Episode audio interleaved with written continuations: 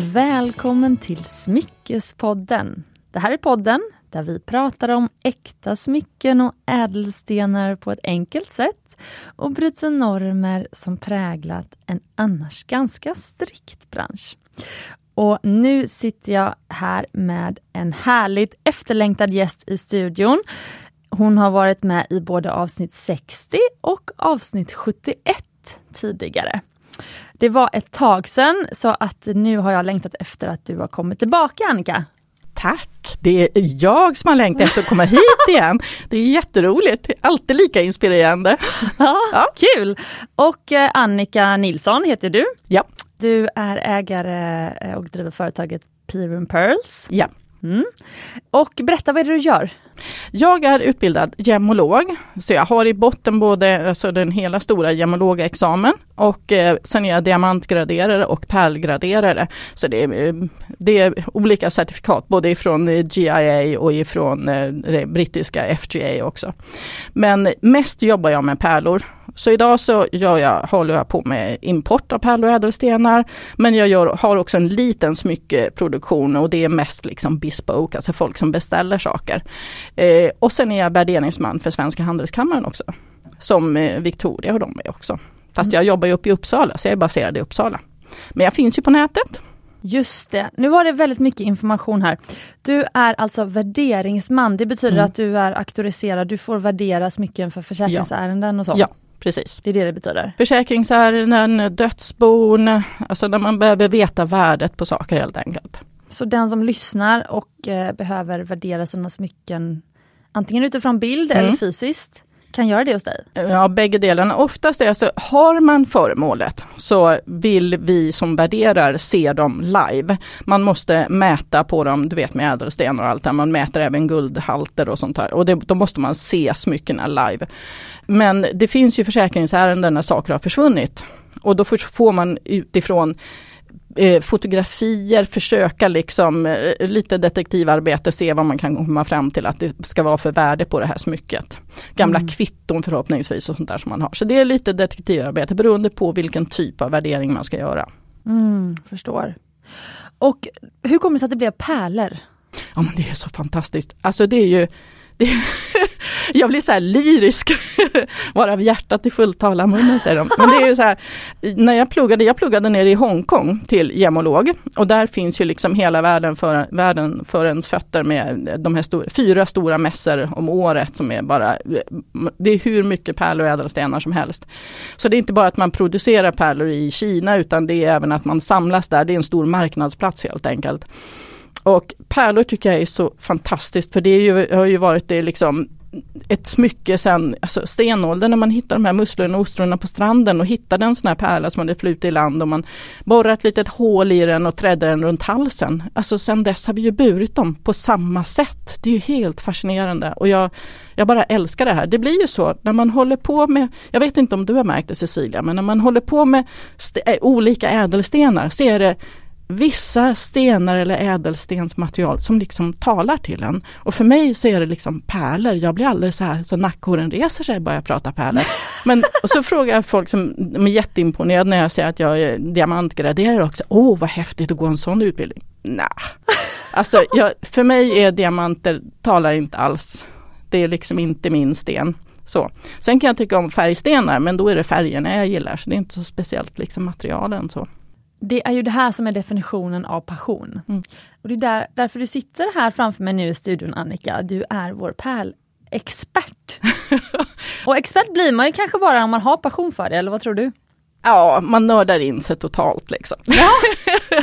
Nej men och jag tycker att det är roligt, jag menar till mig kommer folk även på kurser och det är ju det är så roligt för att det är ju högt och lågt som jag pratade om med dig tidigare. Det här att det finns ju allt ifrån såna här pyttesmå pärlor som, och sötvatten som inte kostar så väldigt mycket. För jag vet att en del av frågorna till dagens podd har varit så här, vad, vad saker kostar och sådär. Jag har så svårt att definiera det. Det är mm. ungefär som att säga, alltså, jag vet ju, du brukar köra med bilreferenser, så jag brukar säga det, vad kostar en bil? ja, eh, ja. det är ju liksom, det är ju jättesvårt att säga. Det är ju, ja, det finns ju jättedyra bilar och som beror på vad man tittar på. Men vi kommer väl till det under, under tiden här. Jag känner också så här, du kanske kan för mycket för att kunna ge så snabba svar. Ja. Jag tänker ju mindre man kan desto snabbare svar kanske man kan ge. Mm. Mm. Men bara lite recap nu för att du var med senast i juli 2022. Mm. Så det var ett bra tag sedan. Jag tänkte att vi ska börja gå igenom idag ändå lite grunder så vi kör en recap, även de som inte som är nya lyssnare. Hej på er, varmt välkomna! Ja. Eh, hoppas att ni kommer bli lika pärlfrälsta som jag har blivit tack vare Annika, får lov att säga. Det är härligt. Ja, eh, jag ska erkänna, för första avsnittet du var med i var i mars förra året, 2022. Och då var jag inte alls särskilt intresserad av pärlor. Men ju mer man lär sig desto mer tycker man att det är spännande. Och nu har ju jag till och med köpt pärlor av dig Ja. och gjort eh, Mumbais första pärlhalsband. Vilket jag inte trodde för eh, då, när vi sågs första gången. Nej. Men tack för det Annika. Ja.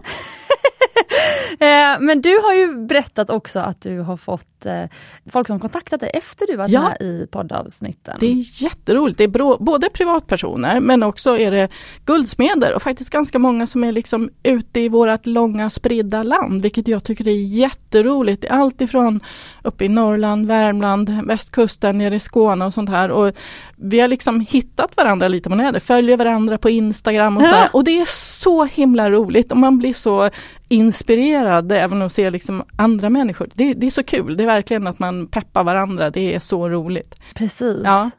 Men sen sa du också nu innan, jag tänkte vi skulle ta upp det bara för att du sa att, för du lyssnar ju också på många avsnitt av Smyckespodden, det är väldigt kul. Mm.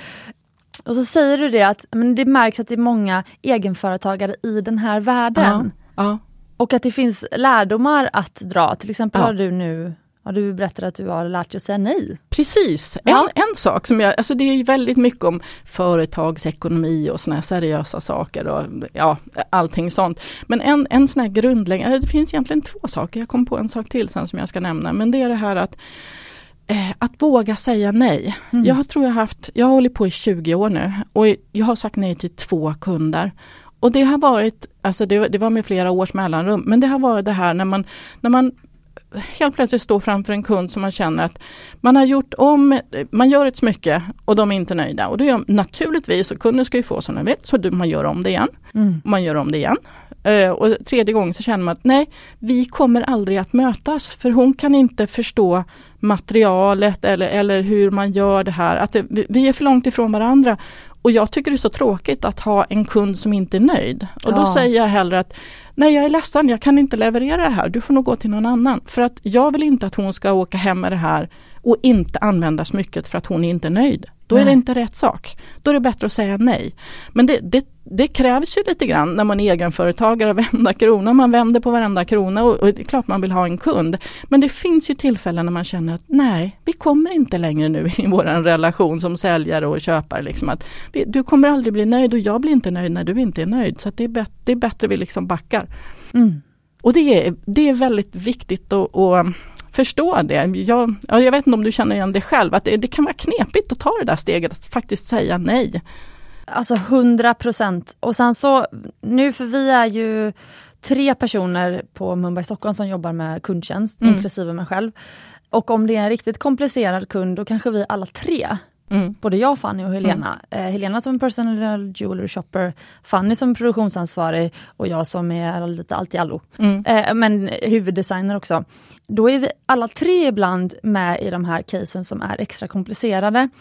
Och det första steget som vi numera alltid gör, det är bara att utbilda kunden så mycket som Mm. möjligt. Alltså vad är det som har hänt? Varför går inte exakt det som kunden vill göra? Alltså bara nästan utbilda som att det vore en kurs. Mm. Och, och Precis. då, det brukar ändå lösa många problem. Mm. Sen kanske kunden blir besviken eller de, ah, okej jag förstår. Mm. Liksom så. Men sen får man ju ofta göra retur eller ja, ibland lyckas man ju ändra så att kunden ändå blir nöjd. Ja, Men ja, annars är det absolut. ju bara Ja. utbilda, retur och så blir kunden nöjd för kunden får gå till någon annan. Ja, jo men det, de här vanliga sakerna och speciellt med pärlor när man måste förklara att ja men det här är ett naturmaterial och det funkar, du vet bara det här formen, det går inte att styra här, de pärlor ser ut som de gör liksom. Jag kan inte säga att allihopa är exakt likadana för Nej. det är de inte, för det är ett naturmaterial och det måste man förstå liksom. Och det är det jag tycker är så unikt med det här materialet. Men Sen finns det ju de som tycker att nej, jag måste ha, det måste vara exakt. Ja men då är det fel material, då är det inte mig du ska prata med kanske. Nej det är sant. Alltså ofta kan jag känna att men det är inte meningen, nu, det är lite ironiskt för att smycken det är så smått och så smått ofta. Ja. Men någonstans kan jag också känna, det är inte meningen att man ska titta så himla noga. Nej. Alltså, jag älskar ju typ som nu det här pärlhalsbandet som är runt min hals Mm. nu då. Två, två och en halv millimeter kan jag tala om. Annika sa att det var det minsta pärlhalsband hon gjort. Jag har, jag har inte räknat den här raden, jag vill inte göra det heller. Annika kallar det för dagishalsbandet. Ja. Men vi får se, nu har du tagit med lite större eh, pärlor till studion. Vi får Ja. se om jag kommer bli såld här. Men jag tycker ändå inte för att om jag hade tittat noga på det här halsbandet då hade jag ju verkligen sett att ja, men ex, varje pärla är inte exakt exakt lika stor. Men samtidigt så är det ju det jag älskar med naturmaterial, det är därför vi inte jobbar med plast. Ja. Alltså så att det är klart man ska kolla noga på sitt smycke så det är välgjort, men de här egenskaperna, även i en, någon, en ett exempel på, på en missnöjd kund hos, hos Mumbai skulle ju kunna vara att vi har, eh, de har specialbeställt en jätte, jättevacker ädelsten. Mm. Och då är det ju det som kunden i startögonblicket tänker på när man börjar med den här skräddarsydda processen, det är ju såklart färgen. Ja. För man tänker vilken färg man vill Mm. ha. Jag vet inte vad det motsvarar i pärlor, men det kanske också är färg eller Ja, storlek. ja, absolut färg. Det kan vara både färg och storlek, men Ja. det är ofta en kombination. Man hade tänkt sig någonting speciellt. Och sen så tar det ju oftast eh, ganska lång tid för oss att hitta den här perfekta färgen och det ska vara en viss karat som ska vara inom kundens budget Mm. och det ska vara en viss slipning och det är många parametrar. Och sen så är det då en liten inneslutning. Mm. Och nu är ju vi väldigt noga med att alltid liksom beskriva vad det är för inneslutningar men man kommer inte hitta en perfekt knallrosa Safir Nej. utan en inneslutning ofta. Mm. Alltså, och det är ju en utbildningsfråga, Mm. alltså Precis. kunskapsfråga. Precis. Precis. Mm. Nej men och det är ju därför jag håller kurser, håller föredrag och är här och pratar inte minst. För att jag tycker att det är ett sånt fantastiskt material. Så man, man ska ta fram sitt gamla ärvda eh, halsband efter mormor där med de här små vita knöliga pärlorna och så börjar man titta på dem. För att alltså det är ju naturens lilla under. Det, det, är ju det är så fantastiskt. Det är så, nu börjar jag så här, så nu ryser jag igen. Men alltså man tittar på en pärlrad, man går till en guldsmed eller vad som helst och då tittar du på en pärlrad så kan du ju se att pärlorna i en pärlsträng som man gör till ett halsband, de är aldrig tvillingar. Mm. De är syskon. Mm. Så lika varandra är de, men de är aldrig enäggstvillingar. Det är som jag brukar säga, är det enäggstvillingar då är det nog 17 plast. Mhm. För de gjuter man i samma form. Men en pärla är gjord en och en och en. Och det är liksom det är ett fantastiskt arbete att sortera ihop så man får färg, form och lyster och allting att stämma i en pärlrad med 50-60 pärlor. För Mm. inte tala om dina små. Ja, precis. Det här är ju väldigt spännande och jag tänkte att vi ska snack, strax lämna introt. Men tänkte bara gå igenom lite eh, roadmappen nu för avsnittet. För jag tänkte att vi ska köra en liten recap på grunder om pärlor, alltså till exempel hur bildas en pärla. Jag kan säga det till er lyssnare, det finns ju en språkutmaning i att man säger pärlor, pärlor om till exempel pärlplattepärlor Mm. och de som Annika jobbar med och de som vi pratar om här i Smyckespodden som handlar om äkta smycken. Så man använder äkta smycken och det kallas för äkta pärlor och odlade pärlor. Och de är gjorda i en mussla. Så det är musselpärlor vi pratar om här. Och musselpärlor är inte gjorda med ett hål i mitten, utan de borrar man ju i efterhand. Musslor och ostron ska jag säga. Ja, sant, precis. Ja. så alldeles strax efter eh, lilla gingen så ska eh, Annika få berätta om hur pärlor görs, så vi alla vet det. Eh, och sen så har jag faktiskt lite då, eh, privata frågor kan man säga om eh, pärlhalsband. För det finns ju nu pärlas, väldigt mycket pärlhalsband att köpa och speciellt om man följer ett enda smyckesmärke på Instagram, då får man ju upp en miljard konton på smyckesreklam på Instagram och då är det väldigt mycket pärlhalsband. Och då kan man undra vad är det för skillnad på de pärlhalsbanden och kanske de man köper i en så här äkta smyckesbutik. Det har jag lärt mig nu och det skulle jag tycka var spännande att eh, prata om. Och sen så har vi fått lyssnarfrågor och det är lyssnarfrågor på hög nivå. Mycket specialpärlor och så vidare. Annika, jag tänker att du kanske väljer ut lite som du vill prata mer om och så vidare. Håll i hatten, ta fram kaffet. Exakt! vad säger du om det? Ja, jättekul! Ja, har du, har du något önskemål om eh, något vi ska prata om? Nej, Nej, då kör vi!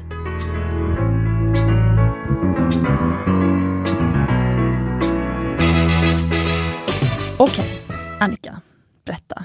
Hur görs pärlor? Musselpärlor? Precis, det vi pratade, du började ju väldigt bra tidigare här och prata om hur det här med ordförbistringen. Här, på säga. Oh. Svenska språket är ju lite knapert med ord.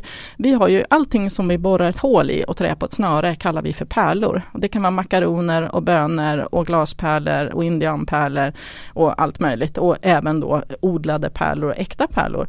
Eh, i det engelska språket så har man två ord för det här som jag önskar att vi kunde ha i Sverige men tyvärr så har vi inte det. Man får väl tillföra det i Svenska Akademins ordlista. Men de har alltså pearls som är det vi har i smycken. Och sen har de beads och det är allt det där andra. Plast och makaroner och allt vad det nu är för någonting. Så att det vi pratar om här det är ju pearls, alltså pärlor. Och då finns det ännu mera klurigheter. När vi pratar om äkta pärlor som du nämnde Äkta pärlor är naturpärlor. Pärlor mm. som är formade i naturen av ostron och musslor. Som av en ren slump och som man sen lyckas fiska upp när man fiskar upp dem ur havet. Och då har vi odlade pärlor. Odlade pärlor har man hjälpt på traven. För när en pärla blir till Eh, om vi börjar därifrån så är det inte ett litet sandkorn utan man lägger in en liten liten pärlemor. Först odlar man upp de här musslorna eller ostronen från yngelstadiet så man inte behöver leta efter dem på havets botten. Man odlar upp dem och sen när de är tillräckligt stora, ungefär 3-4 cm i diameter, hänger man dem i nätkassar ute i havsvikarna och så får de växa till ytterligare och så blir de ju väldigt olika i storlek beroende på vilken typ av pärl och ostron det är. Så Men, då får, förlåt, då får mm. ynglarna sina skal? Alltså de, först har man dem i tankar, då är de frisimmande. Och sen när de börjar bilda sakalen så blir det som en liten liksom, nagel, de är jättesöta som typ när, de, de, de, de bygger ju sitt eget skal, den där ja. lilla ynglet liksom det där som sitter inuti sen. Ni vet hur blåmusslor och ostron ser ut. Liksom. Det är ett djur, ett molluskdjur som bor inuti det där. Så den bygger upp sitt eget skal som försvar. Det är det den har skalet till. Så häftigt. Den har ju, det är ett exoskelett, det är ju liksom försvaret utanpå, inte inuti. Så sen är den bara mjuk inuti. Så den börjar bygga upp skal. Oftast är det ju två skalhalvor då som den bygger upp själv. Och sen när den är ja, fullvuxen, det kan ta 3, 4, 5 år innan den är fullvuxen. Då tar man upp de här nätkassarna och sen börjar man med implanteringsstadiet och då tar man väldigt, väldigt försiktigt och sätter dem i små ställ och så öppnar man upp ostronet försiktigt, försiktigt, alltså väldigt lite, det är 4-5 millimeter för ni vet när man öppnar ostron och musslor och sådär, då öppnar man dem så dödar man ju djuret inuti. Så man måste vara väldigt försiktig när man gör det här. Sen tar man sterila instrument för de är infektionskänsliga också. Så gör man ett litet snitt i muskelvävnaden och där får man in den här lilla, en liten pärlemorkula. Det är alltid en pärlemorkula, aldrig en plastkula. Den för man in i den här lilla fickan som man har gjort där i muskelvävnaden tillsammans med lite mantelvävnad. Och mantelvävnad är en del på djuret som sitter i ytterkant och det är där tillväxtcellerna sitter som, som alltså producerar pärlsubstans eller pärlemor som vi brukar kalla det för. Så då har man petat in de här små cellerna som gör pärlemor också tillsammans med den här kulan. Och så sätter man tillbaka dem i havet och så efter några dagars eh, rehab, höll jag på att säga, men så börjar de liksom känna efter, vänta, det är någonting som är väldigt obekvämt, men det här känner jag igen och då börjar den känna igen de här små eh, tillväxtcellerna som finns där för pärlemor och då börjar den producera pärlemor runt det här irritationen som har kommit in, alltså kulan som har kommit in, så börjar den bygga pärlemor runt den här kulan helt enkelt. Och det är så man odlar pärlor. Sen ska den vara där alltifrån, ja, kortaste tiden är väl ett halvår och upp till tre, fyra år. Ju längre tid den får vara i ostronet och växa till, desto tjockare lager med pärlemor får man ju runt den här kulan. Och då får man finare lyster och bättre kvalitet. Och den blir ju naturligtvis mycket dyrare för produktionskostnaden blir ju, det är mycket längre tid som man måste hålla på och dutta med de här. För att varje månad tar man upp de här, borstar av de här nätkassarna som de hänger i, tar bort alla alger, alltså man måste se till att de mår bra hela tiden, för de är väldigt infektionskänsliga. Och det, de är lite pippliga. Och jag tycker det är så härligt med pärlor överhuvudtaget och ostron. Att det, liksom, det är inte bara, eh, liksom, det, det, är inte någon grisfarm, utan det här man måste liksom vara väldigt försiktig och väldigt liksom ödmjuk för det man håller på med. Och det tycker jag är härligt med pärlor. Alltså det var en väldigt lång historia om hur man gör pärlor i alla fall. Så vi har äkta pärlor, naturpärlor. odlade pärlor som är pärlor, för det är samma material genom hela pärlan eftersom det från början är en pärlemorkula, alltså samma material som ostronet sen bygger på själv runt. Var det en bra beskrivning? Det var jättebra beskrivning. Ja. Och det var bra att den var lång, för att det krävs ju mm. eh, när det är en komplicerad process. Men jag måste bara säga, det låter lite makabert eh, och jag eh, har tror jag frågat det här igen, men har de här stackars musslorna känslor? Nej, jag har faktiskt frågat Sia Åkerlund också inom gemologiska, svenska gemologiska. Och, för jag sa det, det är inte bara du som har frågat. eh, och det är så att, att, de har ju liksom inga nerver så de känner inte på det sättet. Det de känner det är liksom att det är obekvämt. Och det kan ju komma in ah. vad som helst, larver, parasiter. Det är ju så naturpärlor kommer till. Det är att det kommer in parasiter i djuret liksom. Och de har inga tentakler och kan peta bort det där som irriterar. Utan vad de gör det är att de kapslar in det helt enkelt. För jag förstår ju varför man kanske inte vill ha kunskap om allt. Alltså alla vill ju inte utbilda sig inom allt för att man mm. då lär sig även kanske obekväm kunskap. Mm, mm. Eh, men det var ju eh, Skönt men, att höra. Men under tiden man odlar de här och sen så de allra flesta sorter utav ostronen använder man ju om och om igen. Så om man, är, om man ska hårdra det så blir det väl lite grann som hönsfarmer. Att man, man tar ut äggen liksom och stoppar in och så får man det nytt hela tiden. Så att det är inte slit och släng. Det finns några få eh, små ostronsorter som man måste bryta upp och alltså döda djuret när man ska skörda pärlorna. För de är så små så det går inte att få ut pärlorna annars. Mm. Men eh, annars generellt sett så kan man alltså ta flera skördar. Och sen inom den här produktionen så är vi väldigt mån om att man använder allting. För det första så måste det vara helt rena och friska vatten där man odlar. Man kan inte ha några föroreningar för de här djuren dör på en gång. Eh, så att man är, det är ute på atoller och i små kustvikar och sånt där det är väldigt rent vatten. Det är där man odlar pärlor helt enkelt. Och sen kan man inte tillsätta någonting, alltså kemikalier och sånt för de dör på en gång. Så man måste hela tiden ha det där mm. Mm. med sig. Eh, och sen använder man allting. När man har tagit de här skördarna med pärlor så är man mån alltså Köttet går ju till antingen till människoföda eller att man gör djurfoder utav det. All snäckskal återanvänds, alltså man gör snidararbeten, man, man, man tar tillvara allting. Så det är inte liksom bara slit och släng om man lägger på sophögar utan det används allting. Mm. Och det fina med musslor är väl också, rätta mig om jag har fel, att de, deras funktion i havet är att rena vattnet? Yes, mm. de renar vatten. Så att de tar bort väldigt mycket kväve. Mm. Och en annan grej som är spännande att veta, tycker jag, det är ju att eh, pärlorna får den färg som musslans skal har. Exakt! Berätta om det. Eftersom det, jag pratar om de här små tillväxtcellerna som blir där. Med de här små tillväxtcellerna så får man ju med sig liksom, det är ju där den sätter igång och producerar pärlemor. Som vi säger. Det är ju det, pärlemor är det vi brukar se inuti ett skal till exempel. Där pärlemorskimret som man är som ett rem, regnbågsskimmer. Eh, och den färgen som det är på värddjuret på skalet på värddjuret, den färgen blir det ju på pärlan. För det är ju den typen av färgen som den här, det här ostronet producerar. Mm.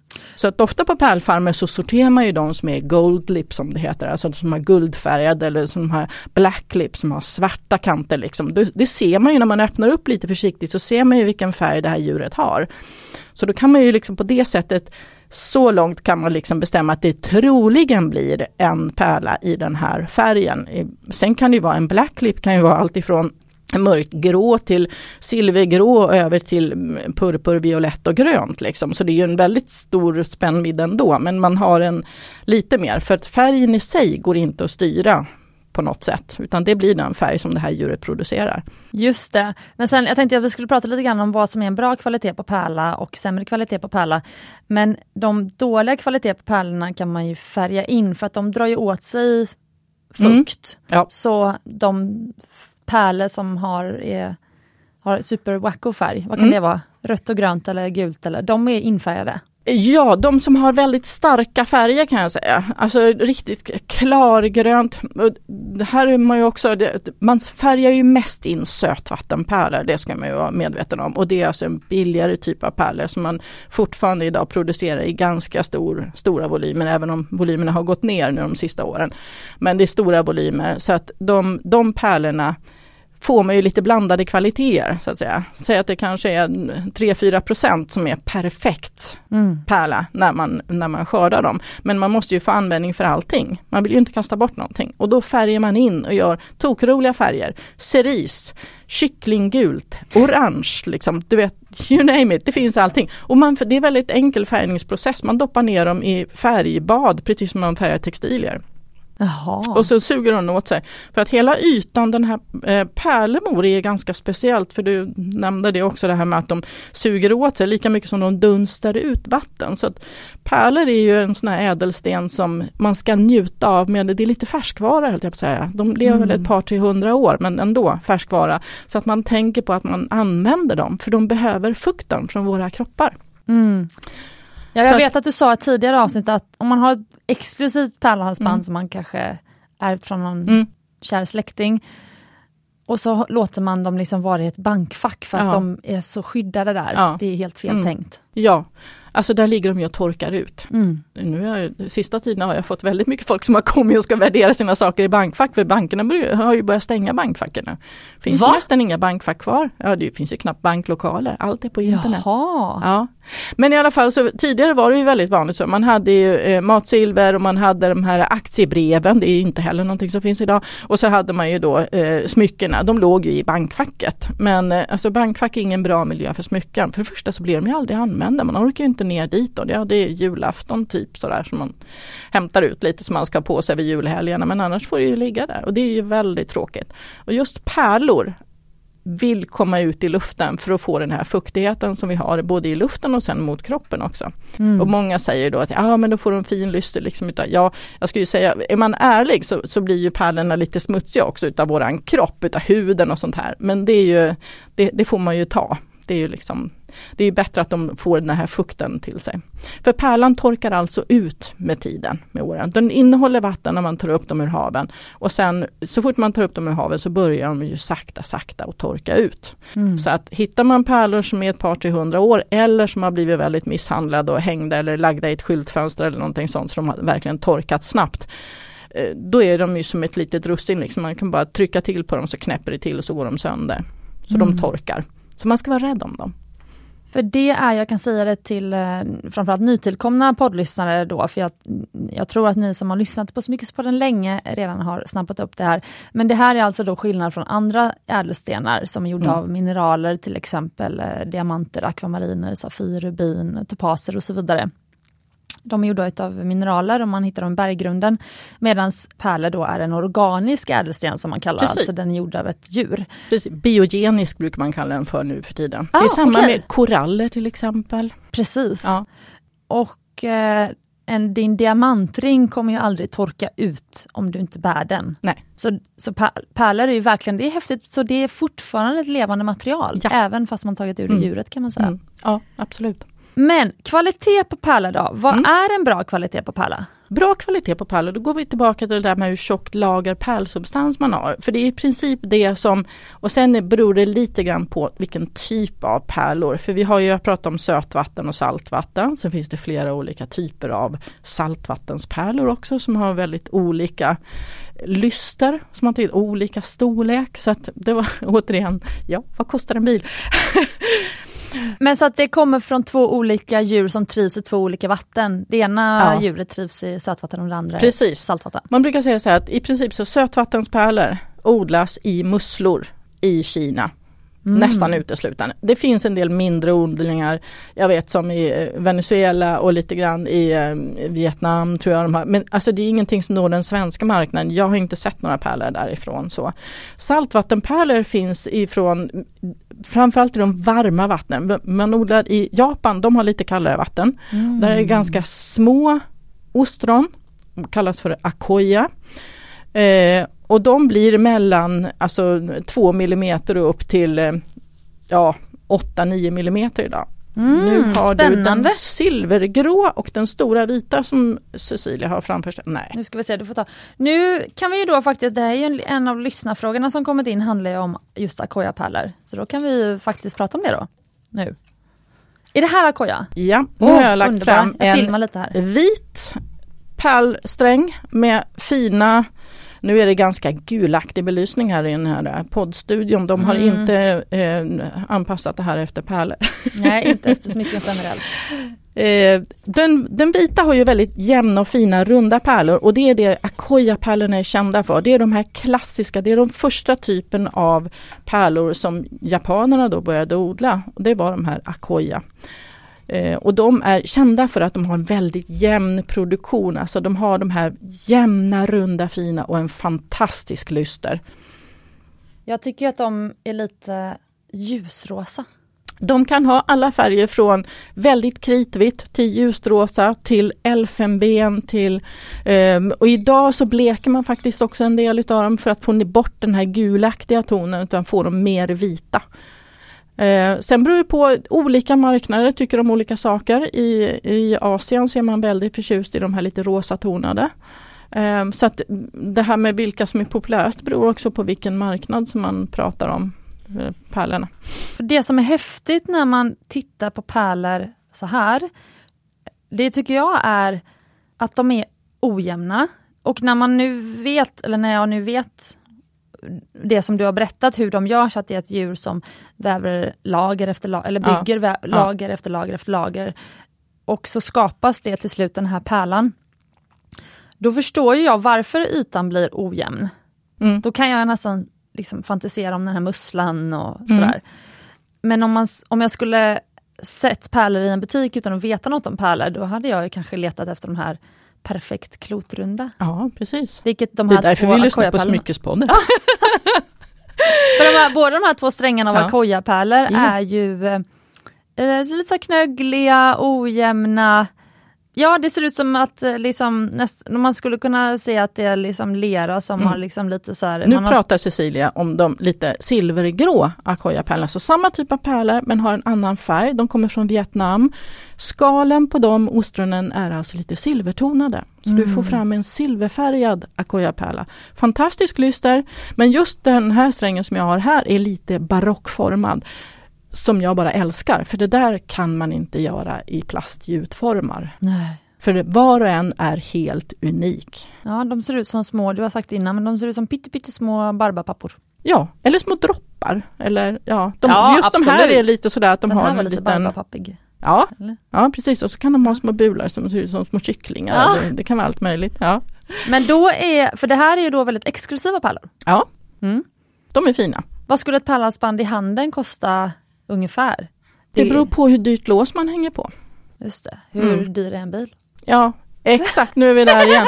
För att det är så väldigt mycket beror på vad man, vad man gör med pärlorna, vad du sätter för lås i det, hur du använder det. Men, men om vi pratar om Akoya-pärlorna, så för att generalisera, för att få någon slags jämförelse, så Ja, pratar vi åtminstone vi börjar på eh, över tusen kronor, alltså vi på ett par tre tusen minst liksom och då får man en ganska medioker kvalitet. Nu ska jag, jag tycker det lät väldigt billigt.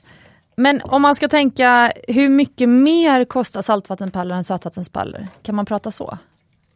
Nu, nu, Nu gjorde jag en övning här och tog av mig ett Ja. av mina halsband. Jag lägg den bredvid den vita där och så jämför du. Det var en, en snabb, det var som ett så här rallybyte, man byter... Eh, eh, hon tog av sig lurarna på tre sekunder och satte på sig dem igen och tog av sig halsbandet. Eh, för här har jag också Akoya-pärlor i det färdiga halsbandet som jag hade på mig här. Åh! Så. Och då kan man liksom jämföra, de är lite mattare, har inte den här riktiga schwung-lysten liksom. Nej. När jag pratar om lyster, så det du ska titta efter, för det är jättesvårt att få liksom ett begrepp, men jag brukar säga det, kan du se din egen spegelbild i pärlan? Kan du se den här mörka skuggan utav ditt ansikte när du håller dem framför dig, då har du fin lyster. Väldigt många pärlor i lite matta, lite trötta, lite sådär. Ibland kan det bero på att de är smutsiga eller så är det bara lite, lite lägre kvalitet helt enkelt. Okej, skämmer jag ut mig nu om jag säger att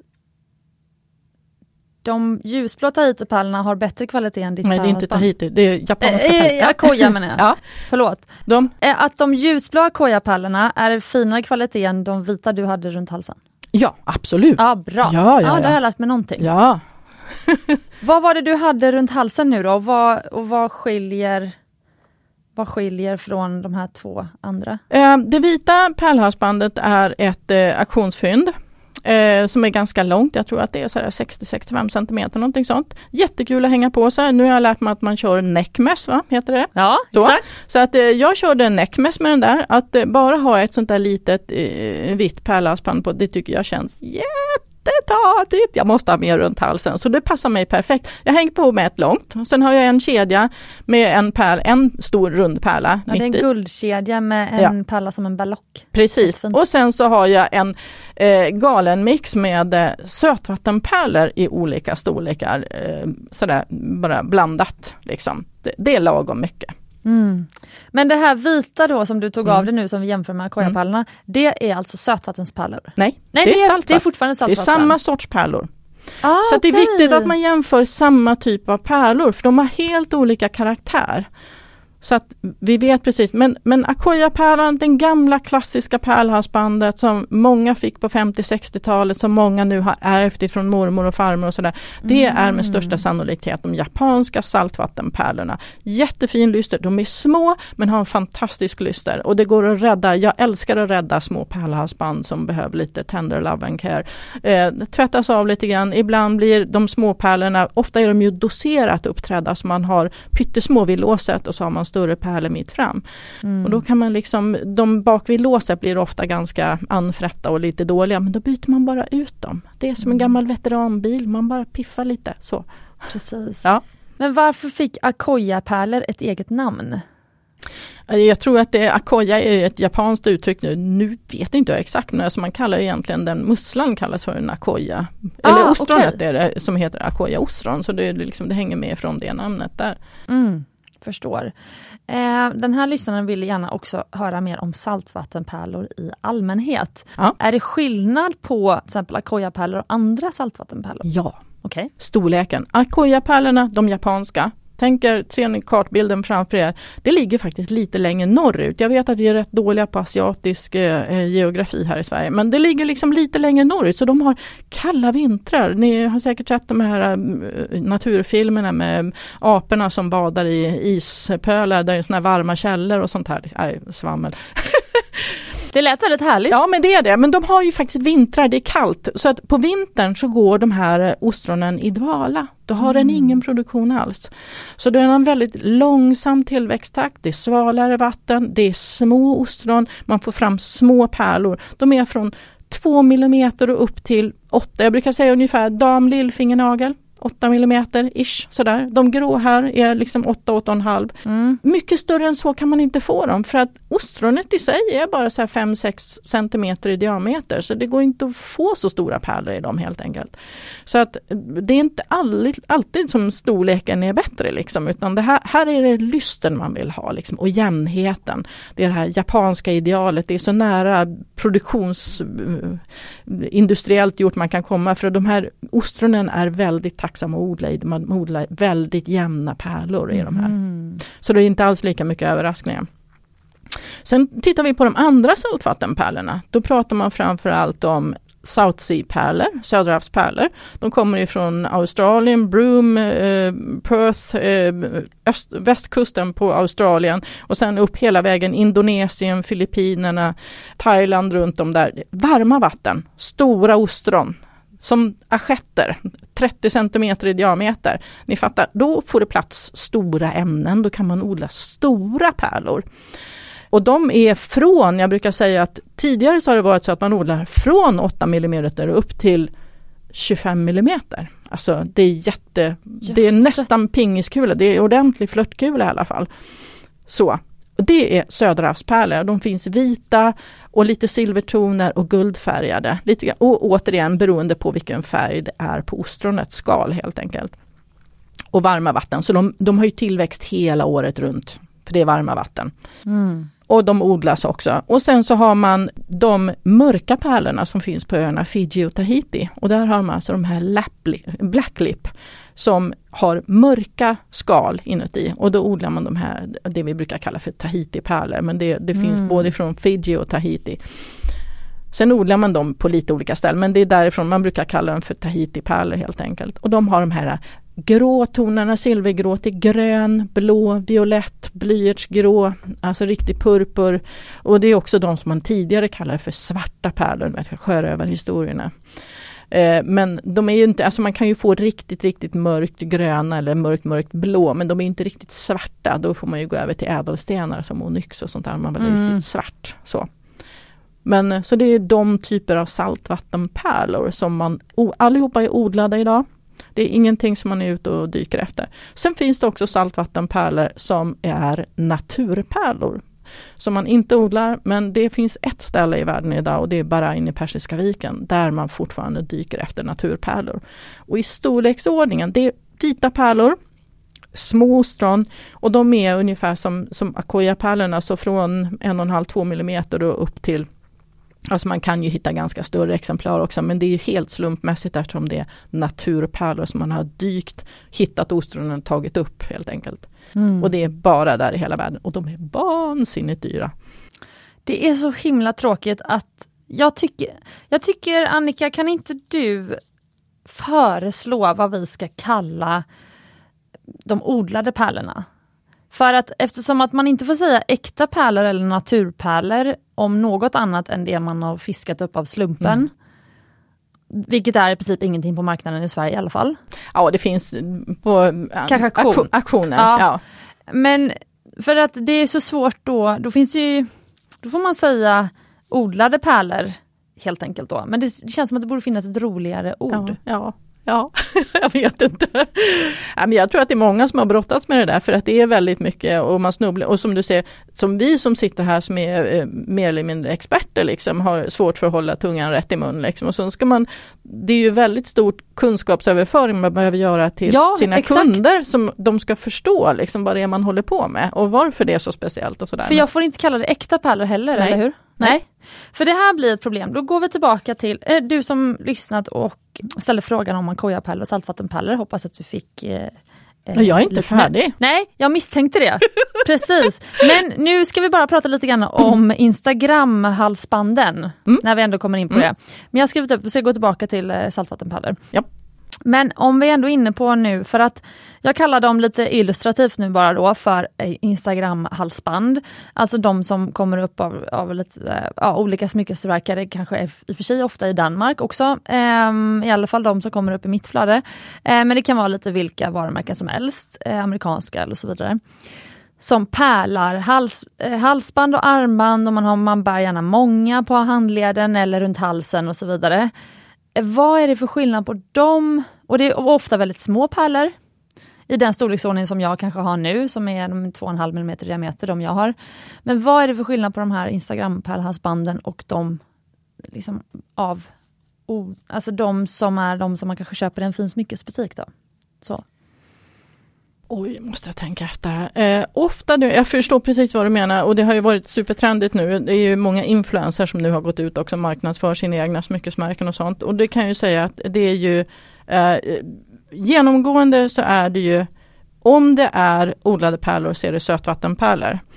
Om man går in och tittar, jag har roat mig med att gå in och titta på några av de här. Där finns det inga beskrivningar av vilken typ av pärlor, var de kommer ifrån, inget ursprung, ingenting utan det står vita pärlor. I bästa fall kanske det står en storlek på pärlan, 3 mm eller 4 mm. Men man får ingen ledtråd var den är gjord någonstans eller vad det är för typ av pärla. Tyvärr, det finns liksom ingen VDN-förklaring på dem där, ingen innehållsförteckning. det, det, är lite tråkigt, så det är jättesvårt att gissa sig till vad det är för någonting. Och sen mm. brukar jag också titta på eh, jag hade en lång föreläsning här för Cecilia med hennes lilla halsband här men, men pärlor trär man med knutar. Punkt. Jag älskar det här, okej. Okay. Ja. Fortsätt. ja, för att pärlan är ju som jag sa, den är ju så pipplig och liten och försiktig och försynt och liten sån där riktig liten fröken. Så har man de där uppträdda på en stålvajer och klämmer dit dem med, med bara klämvajer i vardera änden så ligger de ju och nöter på varandra. Alltså, ja, och jag tycker det är lite för mycket slit och släng för att någonting som har tagit 5-6 år att producera. Det, jag gråter inombords när jag ser sånt. Ja. Så att man ska liksom tänka på att pärlan är ömtålig. Ytan, vi har ju pratat om hårdhet här i Smycket-podden. Pärlorna har ju en hårdhet på 4,5 till 5,5. Du förstår, det är lite hårdare än en fingernagel, inte mycket mer.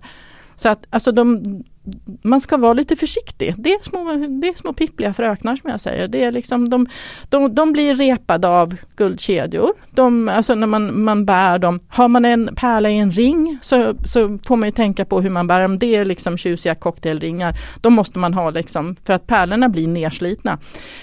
Därmed inte sagt att man inte ska använda sådana. Det går att byta ut pärlor i pärlringar men man ska tänka på hur man, hur man bär dem helt enkelt. För de blir väldigt slitna. Det går inte att jämföra med en hård ädelsten. Mm, nej. Tål att användas på det sättet. För min syster har ju faktiskt ett sånt pärlhalsband som hon köpte från ett av de här märkena. Och som hon älskade, för mm. designen var jättefin och det var väldigt fina pärlor. Och sen så kom hon till mig med det och sa äh, det är inte riktigt fint längre. Och så såg jag det och det var ju som, som att alla pärlor hängde löst och det hade nästan som att den hade dragit ut sig pärlhalsbandet. Det bara, pärlorna bara gled på den här tråden. Och då hjälpte ju du mig ja, Annika precis. faktiskt att trä om det här och då trädde ju du det med knutar, knöt i varje, mellan varje pärla. Alltså du, det blev ett helt nytt halsband. Ja, du får en helt annan känsla i halsbandet. Det blir liksom följsamt som en, som en länk eller en kedja eller vad ska jag säga jämfört med om man bara trär upp pärlor på ett snöre. Så det, det, blir ju följsamt så men det blir ju liksom en lite sladdrigare känsla. Mm. Och just där när man har använt halsbandet ett tag och man inte har knutar emellan då töjer tråden ut sig. Ja. Och det gör den ju även när man har knutar. Men då ser man ju liksom att de börjar röra, de, de håller ju sig på sin plats i alla fall. Det blir inte att man får ett stort glapp bak i nacken. Hur ofta ska man trä om sitt eh, pärlhalsband? Ja, frågar du en guldsmed så brukar de säga en gång om året. Jag säger det, om man bara har halsbandet på sig på julafton, då tycker jag att då kanske man inte behöver göra det. Men det finns ett väldigt enkelt knep. Om du håller upp pärlhalsbandet och så känner du på pärlorna allihopa lite grann igenom. Går det att flytta pärlorna mellan knutarna? Liksom att man kan skyva dem lite fram och tillbaka så att det blir lite mellanrum, att det finns liksom plats att skyffla på dem. Då är det dags att trä om det, för då börjar de nöta på tråden. Då ligger mm. de och glider fram och tillbaka och nöter sönder tråden och då kommer det gå av. Så Just det ska det. vara så tajt knutet så att pärlan ligger still mellan knutarna. Jättebra. Okej, nu kan vi gå vidare på saltvattenspåret. Ja, ja. jag tänkte lite nyheter måste vi klämma in ja. också. Nyheter och nyheter, det har nog funnits i alla fall 10-15 år. Det finns saltvattenpärlor som man odlar i Mexikanska gulfen utanför, alltså nedanför Kaliforniens kuster. Så det är amerikanska marinbiologer tillsammans med den lokala indianstammen som har pärlodlingar ute i havet. Och det är en eh, en pärla som man kallar för Cortezpärlan. Den är i färg och så, så, så påminner den om eh, Tahitipärlor Tahiti-pärlor kan man säga. Men den har ett väldigt fantastiskt regnbågsskimmer och typiskt idag fick jag inte med mig någon sån pärla. Men de är väldigt speciella och väldigt dyra och de är helt ekologiskt, det är så nära kravodlat man kan komma för där har man sett till allting. Jaha, nu sitter Cecilia och koncentrerar sig på någonting, fler frågor. ja exakt! Ja. Nej men det här, det var ännu ett komplicerat namn för vi har så mm. många, det är en lyssnare här som har radat upp så många komplicerade namn på olika pärlor. Mm.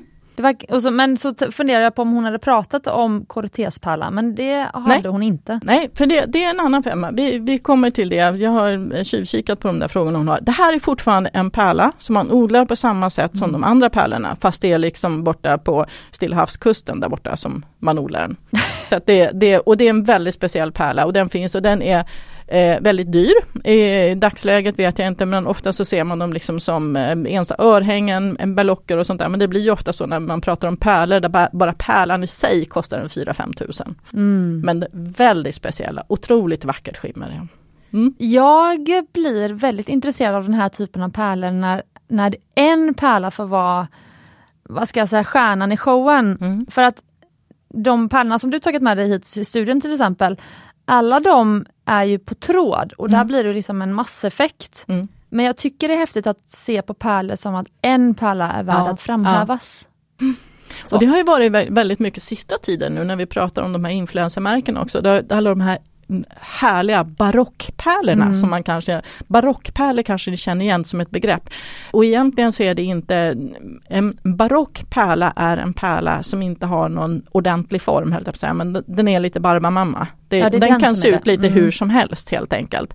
Det är alltså inte rund eller nästan rund eller oval eller droppform utan den är barock, den är, den är knölig och dan helt enkelt. Och de pärlorna blir ju väldigt speciella. Mm. Och det har ju varit jättepopulärt i örhängen och i hängen till exempel, även faktiskt i hela collier med de här jättestora pärlorna, för de är oftast väldigt stora. Och det, de vi har sett nu senaste tiden, det är ju sötvattenpärlor. Mm. Sen finns det också barocka pärlor. Eh, vi såg här på Akoyan, de här japanska små. Men de blir ju inte lika knasbarocka som de här sötvattenpärlorna. Sen finns det också barocka pärlor från Fiji och Tahiti och, och Söderhavspärlorna. Så att det finns där också. Mm. Men hur kommer det sig att vissa pärlor, fastän att de blir stora, säljs väldigt billigt? Ja, det beror nog helt på kvaliteten. Alltså du ska ha Stora pärlor har, alltså du har en mycket större yta där alla fel och skavanker syns. Och vi pratar just om att ett naturmaterial har alltid lite fel och skavanker mm. någonstans. Och har du en större yta, en större välvd yta så blir de mycket mer synliga, mycket uppenbara. Om du har en, en jättestor på 20 mm så ser du varenda liten plutt som är på den. Har du någonting som är 2,5 mm så ska du börja sitta med lupp och titta på varenda pärla för att mm. se om det är någon liten skavank på dem. Så att det, det är väl det att det, det är svårt att få fram de här perfekta också. Men alltså, om de är billiga då är de nog inte så bra. Återigen, titta på lysten. Har du verkligen det här pärlemorskimret även i en vit pärla så ska du ha att det bara gnistrar som siden när du tittar på pärlan. Ja. Har du inte det utan du bara har en stor kluns som är rätt matt på ytan, då är det ingen vidare kvalitet. Men hur kommer det sig att det inte är en fin kvalitet? För jag tänker att om den har, har blivit stor, då är det många lager pärlemor. Eller har man bara satt in en stor... Man har odlat på en stor, ett stort ämne. Aha. Mm. Och ofta, okay. det är lite spännande den här formen på det. Varför jag tror att de flesta av er har sett en barockpärla. Om jag talar om det som att det är som en droppform men en ganska knölig droppe. Eller hur ska man förklara det? Så. Eh, den här pärlan får man fram just att man har tagit en tredje eller fjärde skörd i en mussla eftersom det är ett sötvattenpärla. Eh, och när man då tar ut den så stoppar man in ett nytt större ämne för det här djuret är ju då van att ta ganska stora ämnen så man stoppar in ett ordentligt stort ämne. Ibland till och med så säger man att man tar en regenerate, att man tar en pärla som inte är så himla bra och stoppar mm. in den igen. Så att det finns liksom flera lager pärlsubstans innan. Man stoppar in den i samma lilla ficka som man haft hela tiden, som man använder. Och sen börjar då djuret producera pärlsubstans som det här har kommit in. Men den producerar också pärlsubstans runt det här liksom ihopkollapsade lilla kanalen in till den här fickan. Förstår du vad jag menar? Ja. Det blir som en påse som den här ligger i. Det kallas också för pearl sack där den gör den här pärlan. Så den har ju liksom ingången har ju kollapsat lite och det är det som gör att den blir sådär tillplattad. Mm. Men det här var väldigt intressant och nu förstår man ju ändå då att eller jag tycker mig i alla fall se framför mig hur på de, vid de här pärlodlingarna att det verkligen finns första, andra, tredje, fjärde, femte handsortering. Absolut. Liksom av ja, pärlor. Ja. Och så går det ut till olika leverantörer ja, och så. Mm. Men jag har en fråga som jag tänkte på. Mm. De äkta pärlorna, de mm. där ja, man, musslorna gör pärlor av en slump i princip och mm. ostronen för att något har kommit in. Det är väl inte pärl, eller vad är det för material som har kommit in då? För att man måste ju odla på pärlemor. En, en parasit eller en liten någonting, så, alltså det, det, måste vara en mycket större retning som man säger än, än ett sandkorn. Ett sandkorn räcker inte att det ramlar in innanför skalet. Utan det måste vara en större retning och då är det en parasit eller en liten mask eller någonting som har kommit in. Och det här är en ren ah. försvarsmekanism liksom som det här djuret har sen gammalt så det är inget konstigt. Mm. Okej, okay. vi ska gå vidare till, eh, oj, oj tiden rusar här. Vi ska gå vidare till de här ovanliga pärlorna som jag skickade dem till dig Annika, men jag kan ja. säga också till er lyssnare. Det handlar om conch, spondylus, quahog, mellomello med mera. Du har en lyssnare som undrar, finns de ens att köpa i Sverige? Vad ligger prisbilden på och vad ska man tänka på om man vill köpa? Och någonstans här drog du en parallell till Ja, du kan säga själv det här med vissa som ställer frågor på kurser. ja, äh, ja, ja, ja, du tänkte så, ja precis. De här äh, pärlsorterna som de, med de här konstiga namnen är ju liksom här som, det är lite grann som kuggfrågor, man, man ska alltid ställa någonting så här jätteknepigt för att se om man kan svara på det. Så jag har faktiskt läst på, jag känner igen de här namnen, men det är så här, nu visar jag Cecilia en bild som jag faktiskt Oj. hittade. Jag vet inte, eh, vi kan inte reproducera den här men jag kan hänvisa till några sajter sen som, som Cecilia ska få jättebra länkar.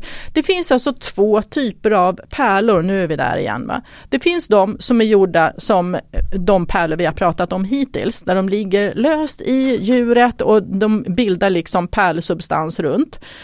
Och sen har vi, och det är, där odlar man i värddjuren, är alltså, de har två skalhalvor som blåmusslor, som ostron, vad man har, det kan ju vara ett, ett topp och en lock, men man, man har två skalhalvor. Sen finns det sådana som, som bildar pärlliknande föremål, man kallar dem för pärlor också, men det görs det är också att, de, att det är som eh, det bildas av deras eget eh, pärlsubstans eller vad man ska säga som, som de gör. Men det är en helt annan typ av djur. Här pratar vi om snäckor. Oh. Så det är inte sådana som har, vi pratar om det här, det här är mm, en på. konch Åh, vad häftigt. snäcka. Jag måste bara ge ett tips då för att om du går in på din mobil, du som lyssnar, och så söker på emojin snäcka. Då är det en sån som Just det, eh, precis. Annika pratar om nu.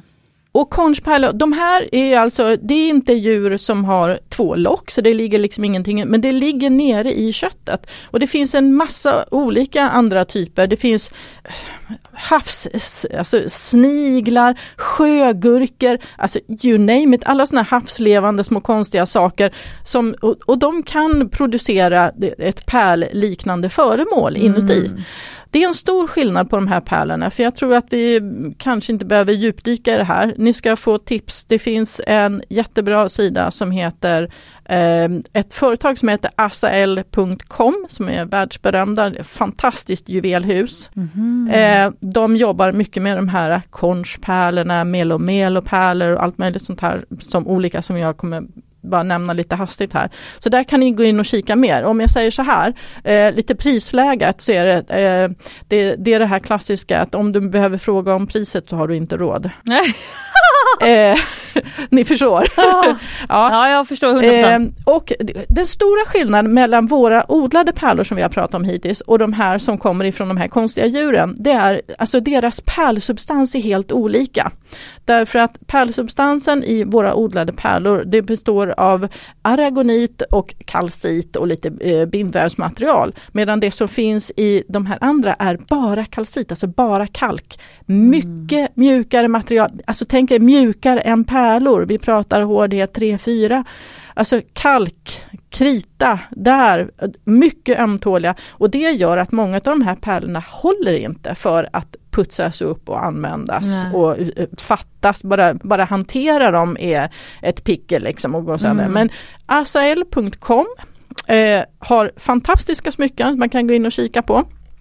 Jag ska bara lite kort nämna, för det var ju en entusiast i alla fall som ville veta. Konchpärlan är en stor rosa laxfärgad pärla, men även, den kan också vara lite brunaktigt gulvit. Vanligast är att man hittar dem med ovala, långsmala och de kommer alltså ifrån den här Strombus giga som den heter, den här stora konchsnäckan. Västindien, Floridas kuster. Eh, De riktigt fina pärlorna av den här typen har en typisk flame-struktur, alltså som ser ut som små flammor. Över, eh, eller som Fabergé-emalj för de som är riktigt insnöade på sånt. Förstår du, det här lite vattrade utseendet som ligger under ytan. När jag snabbt var inne och tittade på vad man säljer dem för som råmaterial, inte som färdiga smycken, så en halvdan eh, sån pärla på cirka en karat börjar någonstans på 2000 US dollar. Mm. Då har man inte någon flame structure på den utan då bara rent liten rosa eh, grej. Spondyluspärlor, det finns det också. De är gjorda utav en jag var faktiskt tvungen att titta. En liten mussla den också men de, jag vet inte vad de kallar för spindelmusslor eller något sånt där. De har eh, stora taggar utåt alla håll. Och de har också en sån här flame structure på sina. De har, gör alltså inte pärlor på samma sätt som andra ostron och musslor utan de gör på samma sätt som de här havssniglarna. Så det här är i princip olika namn på pärlor som gjorts, eller pärl, pärlliknande material som skapats av andra havsdjur. Ja, exakt. Mm, exakt. förstår. Och de är, är mycket ömtåliga, de har inte samma struktur på alltså kristalliseringen som, som våra odlade pärlor har. Mm. Quahog är också ett konstigt namn. Ja. Amerikansk, eh, finns i New England på USAs västkust, eller östkust förlåt. Eh, och den hittar man, det är väldigt vanligt att man hittar dem när man äter såna här eh, clam chowder och sånt på Mm. östkusten. För att det, det är den musslan. Eh, och man har gigantiska odlingar med de här musslorna. Så att där är, men man odlar ju inte pärlor, man odlar musslorna för att äta. Eh, Men oftast, det här är helt industriellt skött och tvättas och körs i stora industrier så att de här pärlorna slås ofta sönder när de tvättar skalen i maskiner. Så känsliga är de, så det är inte alltid man hittar de här pärlorna. De ligger också på ungefär en, en, tusen US-dollar per karat, Mm. oftast lite större. Blålila, kan även vara bruna. Eh, Melo Melo hade vi också nämnt. Det är en gulaktig pärla som påminner rätt mycket om, om konchpärlan men den är alltså gul-orange. Kan gå över i lite vit. Den ska också ha den här flame structure, alltså elden under lite grann i, i själva ytan. Och det är en jättestor havssnigel som producerar dem helt enkelt. Finns utanför Burma och Thailand. Mhm. Abalone kanske ni känner igen också. Ja. Abalone är ett material som vi använder i smyckesproduktion överhuvudtaget men där oftast använder vi ju skalen och de kommer ju mest ifrån Nya Zeeland och det är de här klassiska riktigt så här regnbågsskimrande ganska tunna skalen. Och de använder man ju och sätter liksom som dekorationer, man gör med pärlemordekorationer helt enkelt. De kan också producera pärlor och de är megafula. De är alltså gigantiskt barocka. Alltså jag har inte sett någonting som är runt. De är, de är verkligen Barbamamma allihopa. Det är liksom, men de musslor eller ostronen är ju också lite avlånga i formen så de blir ju lite mer som våra mm, stora blåmusslor om man säger i formen. Och så det blir liksom en knöligare pärla, det är inte den där runda strukturen i det. Ah, Så de har ju väldigt olika typ allihopa. jag förstår. Ja men tack så mycket Annika, det här var ju kul att du, ja nu visar du en bild här, jag förstår. Ja. Det, här- det var ju faktiskt väldigt kul att den här lyssnaren ställde de här frågorna för att nu fick vi också lära oss lite grann om vad, alltså vad det finns för havsdjur som skapar pärlsmyckesmaterial Precis, precis. som vi inte visste om kanske. Men, men vi kan ju använda allt som vi hittar. Exakt. Ja. men, men jag gick ju in på nu asael.com, det är Ja. alltså a-s-a-e-l.com. Ja, ja. Och det står ju faktiskt här att Salvador Asael was a titan of the cultured pearl business. Mm. He is responsible for introducing South Sea pearls and Tahitian black pearls to the world. Mm. Nu vet jag inte om det är han som, är det den familjen som startat Asael? ja. Ja, okej. Så jag måste ändå säga bara efter att ha varit in lite snabbt på deras sida, om du är pärlintresserad och du nu efter avsnittet vill gotta ner dig ännu mer i pärlor, förutom att självklart gå in på Instagram och kolla där på Smyckespodden, där jag kommer visa upp de pärlorna Annika har tagit med sig i studion, så tycker jag att ni ska gå in på asael.com, det var faktiskt en väldigt härlig sida. Den är Eh. jättebra. Mycket information och de bjussar på mycket kunskap. Det är fantastiskt. Den är riktigt fin och sen kan man ju säga fantastiska men där är ju juveler vi pratar. Ja, ja, det är Mm. verkligen juveler och eh, jag ser även att de jobbar med koraller. Mm. Eh, och de skapar ju underbara korallsmycken. Nu vet jag inte om koraller är så etiskt längre att använda. Jo, men man skördar bara det som är tillåtet och är det Ah, under okej. licensbevakning alltihopa. Åh, vad kul Mm. att veta! Mm. Jättekul! Så att vill du bli inspirerad så verkligen gå in på den här hemsidan. Det var kul tips Annika. Tack för det. Mm. Och såklart gå in på din hemsida. Ja, absolut. och skicka frågor antingen Ja. till Cecilia eller till mig. Ja, det går precis. bra. Ja. Precis. Ja. Annika är ju vår, vår pärlexpert och eh, ju fler frågor vi får in och ju fler som frågar efter Annika desto snabbare kommer jag bjuda in henne till studion igen. Är ju, om du vill Absolut. komma tillbaka. Ja, Ja. och då, då kanske jag hinner skaffa några konstiga saker att visa upp också. Ja, Ja. exakt. Ja, men det här var ju eh, jättekul tycker jag. Är det någonting, jag vet en grej som kan vara värt att bara nämna så här på slutet, det här med priserna, att, att priserna på pärlor faktiskt har gått upp väldigt mycket nu under lågkonjunkturen. Det är ju det ganska pratar vi om intressant. på telefon. Ja. Ja. Först så slog ju covid till och som alla känner till, Kina var ju en av de länder som verkligen stängde ner allting. Mm. Det var ju bara helt stopp överallt. Många utav söderhavsöarna där man odlar saltvattenpärlor var inte lika berörda om man säger i själva produktionen, alltså i odlingsfasen. De puttrade på, de var ju isolerade ifrån covid och allting utanför och umgicks ju inte med folk. Så att deras liv gick på ganska mycket som vanligt. Problemet för dem det var ju sen att det fanns ju ingen marknad de kunde inte sälja det någonstans för det var ju, allt låg ju nere bara.